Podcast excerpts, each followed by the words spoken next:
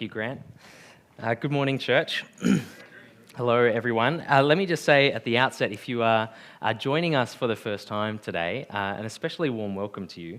Um, you've joined us on an interesting week. Um, we don't normally kind of split sermons across two weeks like this. Um, so you're kind of joining us right in the middle of a talk. Um, so this week's a little weird for that reason. I promise it's not always like that. Secondly, we're talking about a, a sensitive topic, a topic that has all sorts of associations of, I, I, think, often negativity when we think about money and preachers. Uh, I spoke a bit about this last week.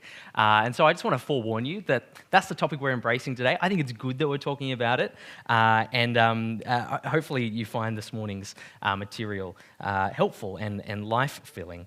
Um, it's time for round two on generosity. And um, last week we spoke, of course, about uh, PCR tests. Do you remember that? spoke about PCR tests. I said generosity is like a PCR test. Being generous shows that you are positive for love. And being positive for love, that's really important because being positive for love shows that you're positive for true Christian faith, right? Generosity proves love, and love proves faith. And we saw what that kind of true generosity looks like in this example of Paul appealing to a church in Corinth to take up a collection for a much poorer church, a starving church over in Jerusalem. And, and just a reminder today, when I talk about giving and generosity, I'm not talking about giving me money. I'm not even just talking about giving the church money. I'm talking about all of our acts of generosity, whether that's giving to church or to one another, that goal of equality, or to, to charity, whatever it might be. So we saw um, uh, last week that our true generosity, what does it look like? It looks Macedonian, like the Macedonian church, who was enthusiastic and they, they were searching for opportunities to give. They were proactive when they found them. How did they give? Beyond their means. Um, it looks like Christ, who, who was sacrificial. He, he gave up the riches of heaven to become poor like us for our benefit. We saw that the way God measures generosity is different. It's, it's measured by our willingness to give and proportionally, not the raw amount that we give, according to our means. And fourthly, we saw that um, true generosity is equality seeking. The goal is equality, this beautiful, organic equality amongst God's people, so that those with plenty supply those with little. And all of that together works to prove our love, right? It's like peering into our hearts, peeling back the veil and showing what's going on in our hearts, how they're being transformed. Now, no story in recent history, I think, has quite captured this transformative power of generosity quite like, hey Chrissy, quite like a Christmas carol by Charles Dickens. We know the story, right, of A Christmas Carol. We know the character Ebenezer Scrooge, um, uh, the, this cruel, stingy old man in bleak Victorian London. That is the original cover of Dickens' original edition. Those are the original illustrations there. Um, Scrooge, he hates Christmas, right?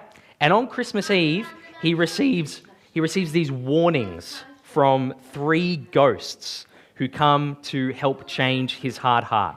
Um, and my favorite of the ghosts is, is that last ghost. The, the ghost of Christmas yet to come, the ghost of Christmas future. Um, what does the ghost of Christmas future do? He takes Scrooge into the future and shows Scrooge his own funeral. Have you ever imagined kind of being at your own funeral? What might be said? What might happen? Scrooge sees his funeral in the future, and the only people there in attendance are some of his local business partners, and they only come on one condition that lunch is going to be provided. And, and so Scrooge, that's Scrooge, Scrooge, he sees this scene and he's distraught and he begs the ghost, please just show me one person who feels some emotion uh, about my death. And the ghost finds someone. In fact, he finds two people. He finds a couple feeling great emotion at Scrooge's death they are rejoicing because their, their financial burden suddenly it's, it's not as much of a rush. Some of the pressure is taken off. They've got time to get their finances in order. And so the next morning, Scrooge wakes up, Christmas Day, he's a new man. He's friendly, he's hospitable, he's generous. And we may not realize just how much Dickens's story shapes our culture today. Some of our language, right? Like Scrooge is a word in the dictionary. You call someone a Scrooge, bar humbug, that saying. Even the phrase Merry Christmas was reinforced in our society because of Dickens's novel. And all the ideas we have about Christmas, uh, that, that it is a time for family and festive meals and a spirit of generosity, was reinforced by this powerful story of the goodness and the power of generosity. And today we're going to see three powerful goods that come out of generosity and one bad, potential bad, that we need to avoid, right? Here are our headings um, Thanks to the Lord, being above board, unselfish hearts, and reaping God's blessing. Three goods and one bad to avoid. Let's jump into the first of those points. Here's the first good that comes from generosity. Generosity causes people to give thanks to God. We're actually going to start with the very last bit of the passage we read. Up on the screen, you'll see there, chapter 9, verses 12 to 13. We read, This service, this is Paul talking to the church in Corinth, the service you perform is not only supplying the needs of the Lord's people, it's also overflowing in many expressions of thanks to God. Because of the service by which you've proved yourselves, others will praise God. You know, after Jesus' resurrection, it, as the early church grew, back in the hundreds AD, right? Sorry, before that, before 100 AD, in, in the first century AD, um, as Christianity sp- began to spread around the world, there were a few things that Christians were um, known as, as being strange for, right? One of the things that Christians originally were accused of was being atheists. Why would they have been called atheists? Well, it's because they denied almost all of the gods. They only believed in one God. They didn't believe in any of the Greek or Roman gods. So they were accused uh, by people of being atheists. Christians were also, in the early church, accused of being cannibals. Why would they have been called cannibals? Well, it was because there were rumors, there were stories that when they got together in their meetings, they would eat flesh and drink blood, right? Well, the Lord's Supper, what we call communion. These stories got around, these weird, strange Christians, all this stuff they do. But far more enduring or distinctive than those descriptions, something that was really strange about Christians in the ancient world was how generous they were. Teresa Morgan, here's a picture of her. She's a um, history professor at Oxford University. Her, her expertise is ethics in ancient Rome. So she's an expert on this topic. She was asked what she thinks Christianity's unique, distinctive contribution was. And here's what she said it was charity. She says, This idea that God actually loves people, that he absolutely loves people, and therefore people can afford to love others with unreserved generosity that was just so completely different to any concept of religion or, or what popular ancient thinking was. In a world with no social safety nets, Christians developed and invented social safety nets. She says Christians were notorious for looking after the widows, the poor, the orphans, the people who in most of society were just slung out onto the street. We have heaps of examples of this in the writings of ancient history. Here's, let me give you just one quote. I think this is one of the best ones we have. This was actually written in a letter by a Roman emperor, right? Emperor Julian, known as Julian the Apostate. Julian in the, in the 300s. This is a letter he wrote to one of the priests in um, the, the pagan temples, uh, one of the chief priests in the pagan temples. He wrote this When it came about that the poor were being neglected and overlooked by the priests, then I think the ungodly Galileans, that's his term for the Christians, right? He describes them as people from Galilee, some backwater, some unknown place. Those ungodly Galileans, they saw this and they devoted themselves to generosity. And they've gained power in the worst of their deeds through the credit they win for themselves by such practices, that is, their generosity. They also begin with all their hospitality, sharing meals, and the result is that they have led many into atheism.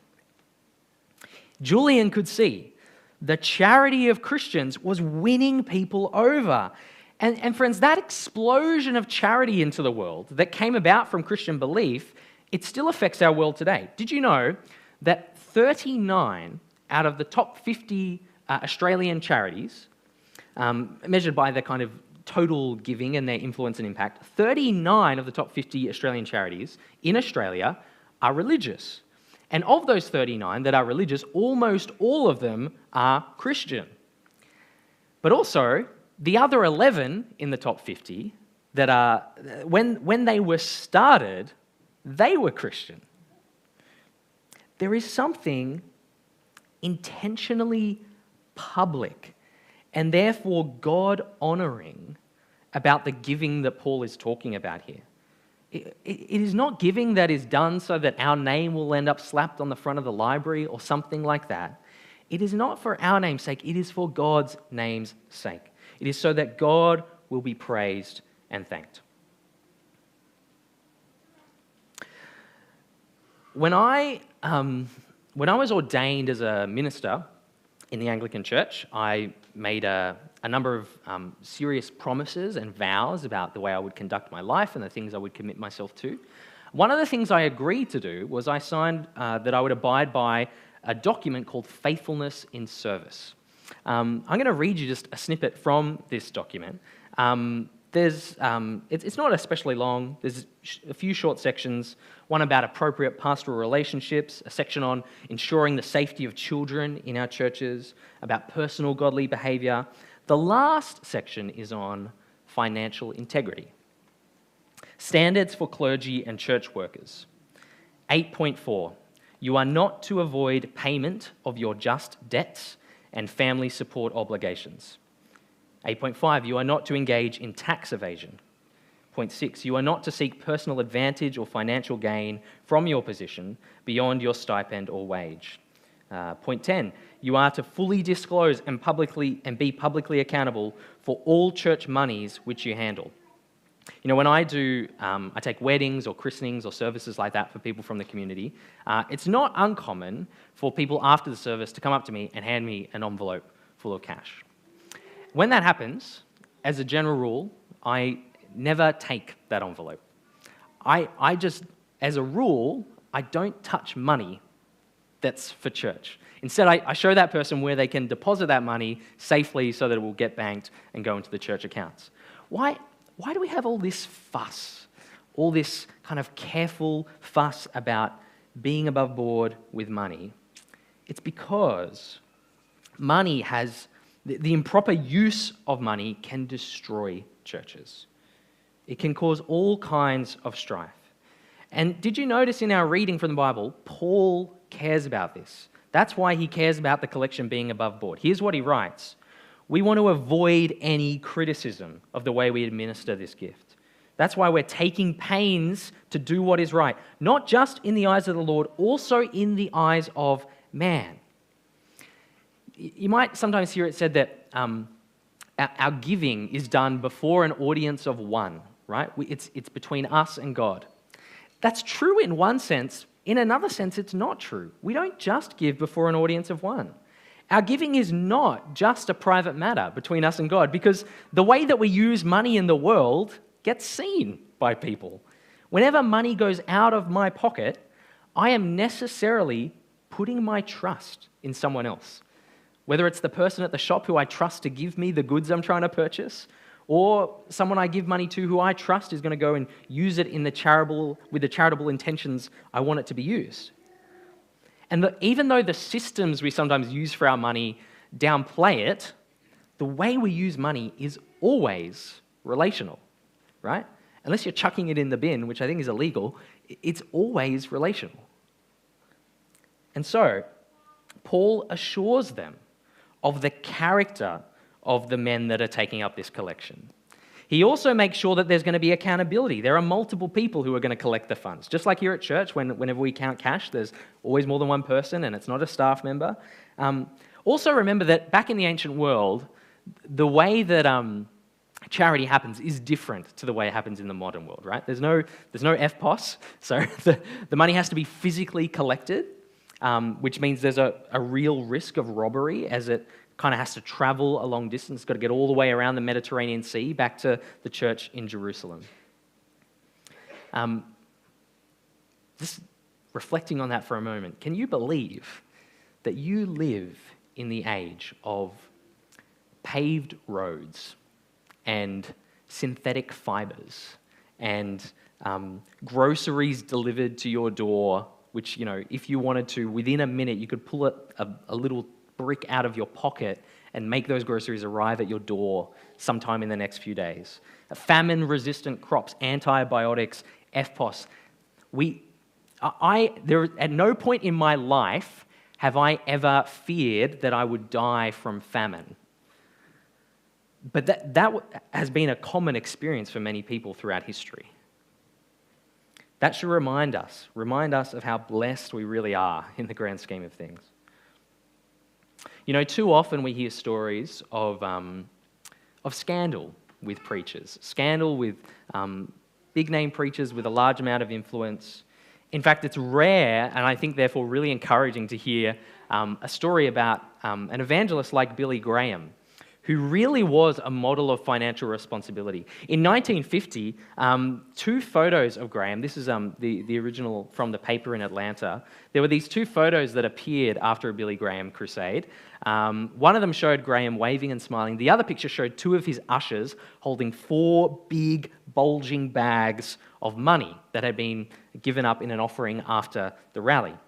And Graham saw this and it really stung him. He knew this was not a good look. He knew the potential damage that could come from this. And so he decided that he was never again going to give people any reason to suspect what his true motives were. So what he did was he took a publicly declared fixed salary and then uh, at every rally from then on, any funds that were raised were managed by an independent local committee that, that was established just for that rally in that city completely detached from the Billy Graham Association. He knew the potential damage that could come from not being above board. And so he went above and beyond to make sure there was no reputational damage. You see, here's the thing it's not just about doing the right thing, it's about being seen to do the right thing. Our reputation matters. Okay, so that's, that's the bad to avoid. The second good of generosity is its ability to stir your heart, to stir you to heartfelt action, and at the same time prevent us from selfish and non committal habits. Just look at all the positive and active language that Paul uses in verses 1 to 5 of chapter 9. I'm not going to read all those verses. Let me just skim through it. He says, I don't really need to write to you about this service to the Lord's people. I know your eagerness to help, church in Corinth. I've been boasting about you to the Macedonians. I told them a year ago you were ready to give. Your enthusiasm has stirred most of them to action. And he goes on, he keeps using these words of boasting that uh, their, their enthusiasm wouldn't prove hollow, that they'd be ready, that they'd finish the work, that they'd be generous and not begrudging in the way that they give. We mustn't think that our giving is only authentic and, and heartfelt when it's spontaneous. Paul here uses all sorts of emotional language to describe a pre planned, a year in advance collection. You see, friends, giving can be habitual, it can be planned, and still be full of joy. Those things aren't mutually exclusive. Notice also uh, in these verses that we read how much of the, the public face of giving is emphasized. You see, I think sometimes we push the teaching of Matthew chapter 6, verse 3, a little bit too far. What does Matthew 6, 3 say? There, Jesus says, When you give to the needy, do not let your left hand know what your right hand is doing. And so we think, well, if I shouldn't let this hand know what this hand's doing when I give, surely I shouldn't let other people know about my generosity right? I shouldn't be telling other people how much I'm giving. And yet, in this example we see of Paul taking up a collection, there's something just very open and very public about what's going on here, right? The only way the church in Corinth can um, match or be inspired by the generosity of the church in Macedonia is if they know about each other's generosity and how much each other has promised to give. As one writer puts it, it appears we may have taken Jesus' instructions to an extreme and in the process diminished the cooperation and the accountability of Christian giving. Right? Jesus' point there was to say, don't be showy in the way that you give. But I also don't think he wanted us to push all of our giving practices underground and make it entirely private. This runs against our culture, right? It's, it's taboo to talk about giving in this way in our culture. I think, ironically, that attitude has come into our culture through Christian beliefs, but it's got emphasized and then kind of come back into the church in a, just a slightly malformed way. See, Jesus said in that same part of Matthew 6, he said, um, It's possible to be a hypocrite in the way you pray, right? To do it in a showy, flashy way. And so, what does he say is the cure for that? Well, go home, go into your room, pray by yourself. That's the cure to the hypocrisy of praying in a showy way. Now, does that mean that we never pray together in public? Do we, do we get rid of all praying in a corporate sense? Of course not. And likewise, we shouldn't get rid of the social dimension of our giving and its essentially open relational character. It's important to see here the Corinthians have made a promise to give, and Paul says, You guys need to follow through. If, to do otherwise would be selfish or lazy. I got a picture here of a guy called uh, Sir William Pickles Hartley. He lived in the late 1800s and the early uh, 1900s. Can you guess what William Pickles Hartley did for a job? Does anyone know this particular gentleman?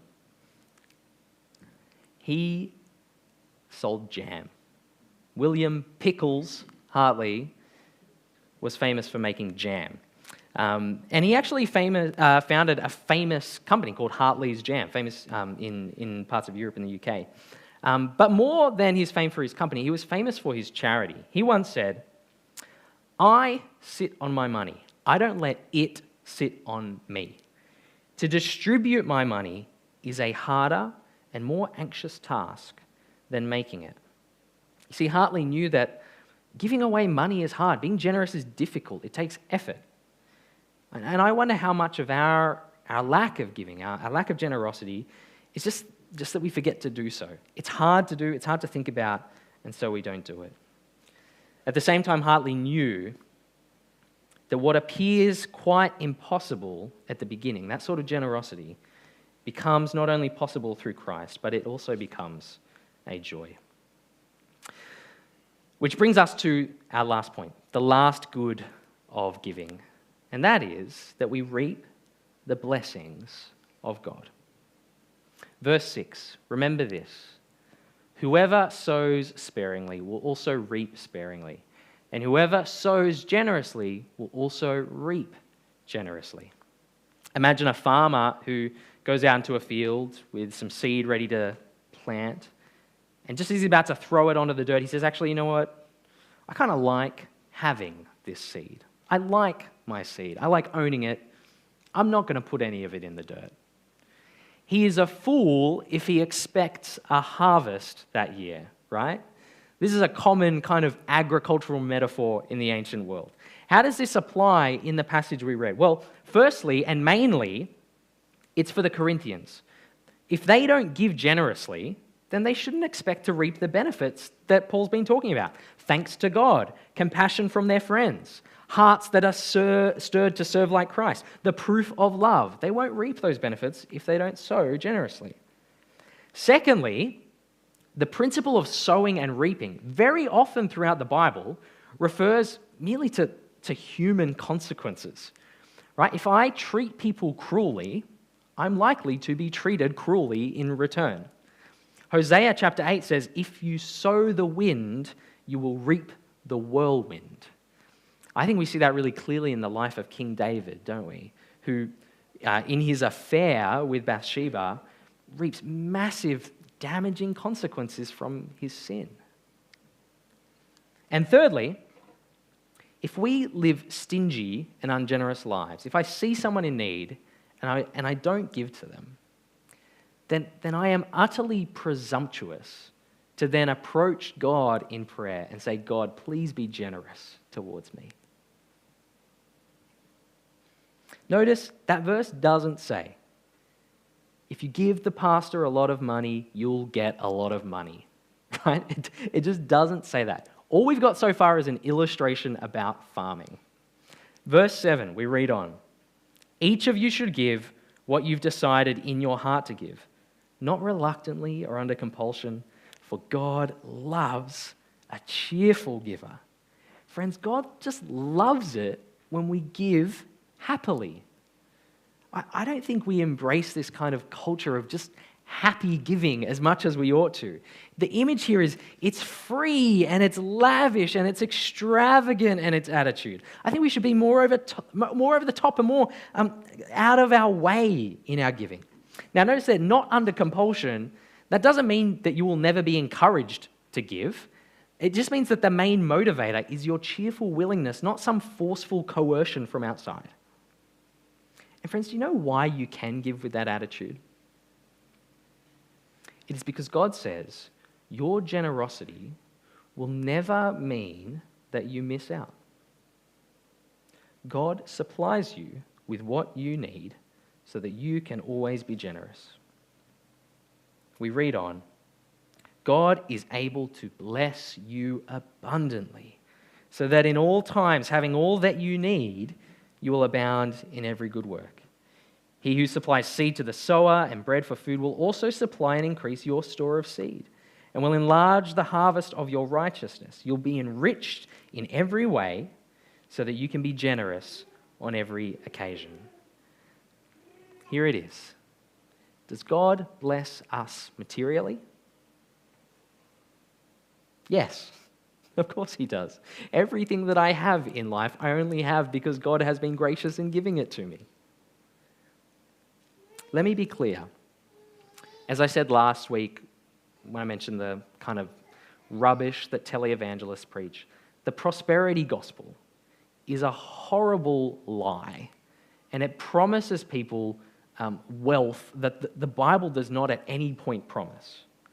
But I think that most of us here do not need our expectations in this area lowered. I think we need we need to take God more seriously when He says, You will be enriched in every way so that you can be generous in every way. We need to realize that we can actually afford to be generous. We, we can give with smiles on our faces and joy in our hearts because when we do, we're demonstrating that we trust God. We trust the God who's promised that He's going to do nothing but good for us. Friends, Paul ends this whole appeal with these wonderful words he says, Thanks be to God for his indescribable gift. That's how he wraps up these two big chapters on generosity and offertories. That, that, that's the best financial principle you'll ever hear. God is the great giver, and he has given us an indescribable gift. It's a Scottish minister, um, just recently retired. His name's Eric Alexander. Uh, he once shared a story in a sermon. I'll finish with this. He says, um, he once had the privilege of sitting at the bedside of a, um, a man who had come to Christ at a businessman's lunch event that their church ran. And um, uh, this particular man, he, he was wealthy in a way that just was kind of impossible to comprehend uh, to Mr. Alexander. Um, extraordinarily wealthy. And now, by circumstances that were outside of the gentleman's control, he had suddenly become bankrupt.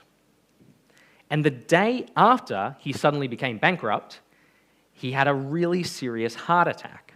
And so he was in the hospital because of that. And so the minister, Mr. Alexander, he went to go see this gentleman in hospital. And he says, I didn't know about this man's bankruptcy. He told me then and there. The man said, my friends have told me that I've lost everything that I had. But of course, you know, Pastor, I haven't lost anything that I had that really matters. My riches are not these stocks and shares and companies that I had. My riches are in heaven. I am not one bit poorer today than I was two days ago. And if I die from this heart attack, I'll be richer than ever I was. None of my colleagues can say that. There is a man whose heart has not become shriveled by the pull of wealth. Instead, unlike Scrooge, it has been freed up, it has been brought to life by the transforming power of Christ. Here's the thing, friends your generosity has incredible power. It has power to bring thanks to God our Lord. It has power to stir your heart. It has power to make us more selfless and more compassionate. It has power to witness to the world, to be visible and public to the world about what a generous Savior we have. And it has power to teach us to rely more on God's blessings. Let's pray it would be so.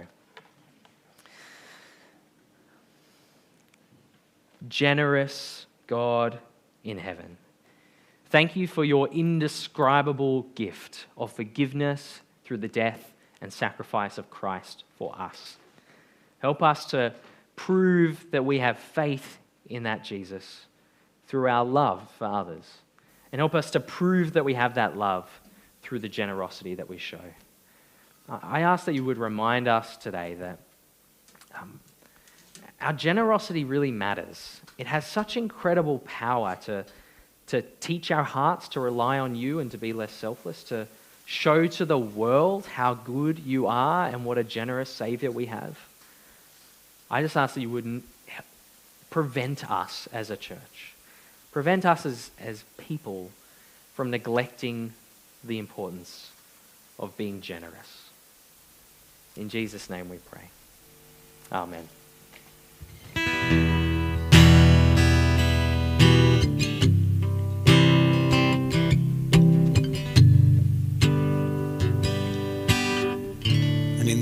Need to remember is Christ is enough. Let's stand and worship.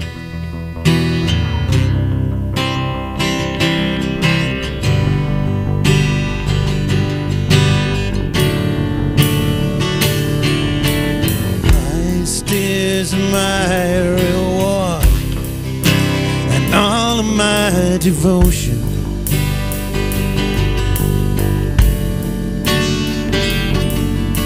There's nothing in this world that could ever satisfy. Through every trial, my soul will sing, no turning back. I've been set free. Christ is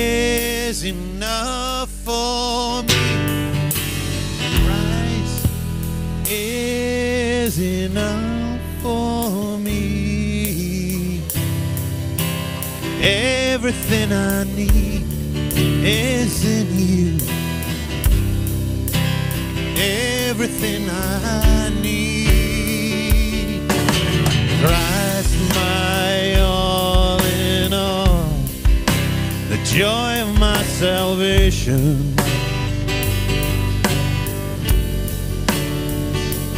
And this hope will never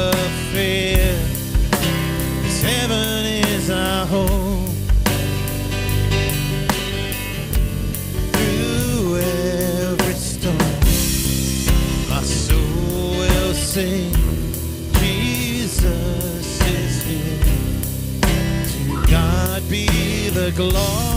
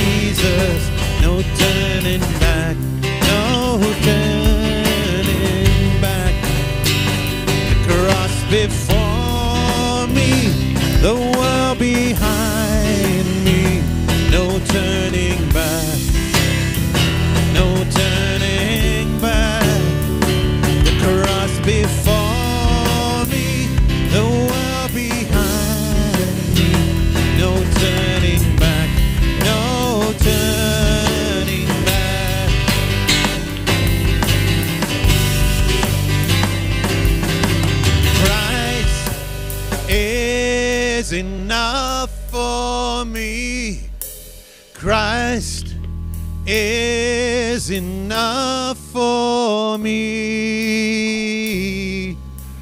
Everything I need is in you. Everything I need. Christ.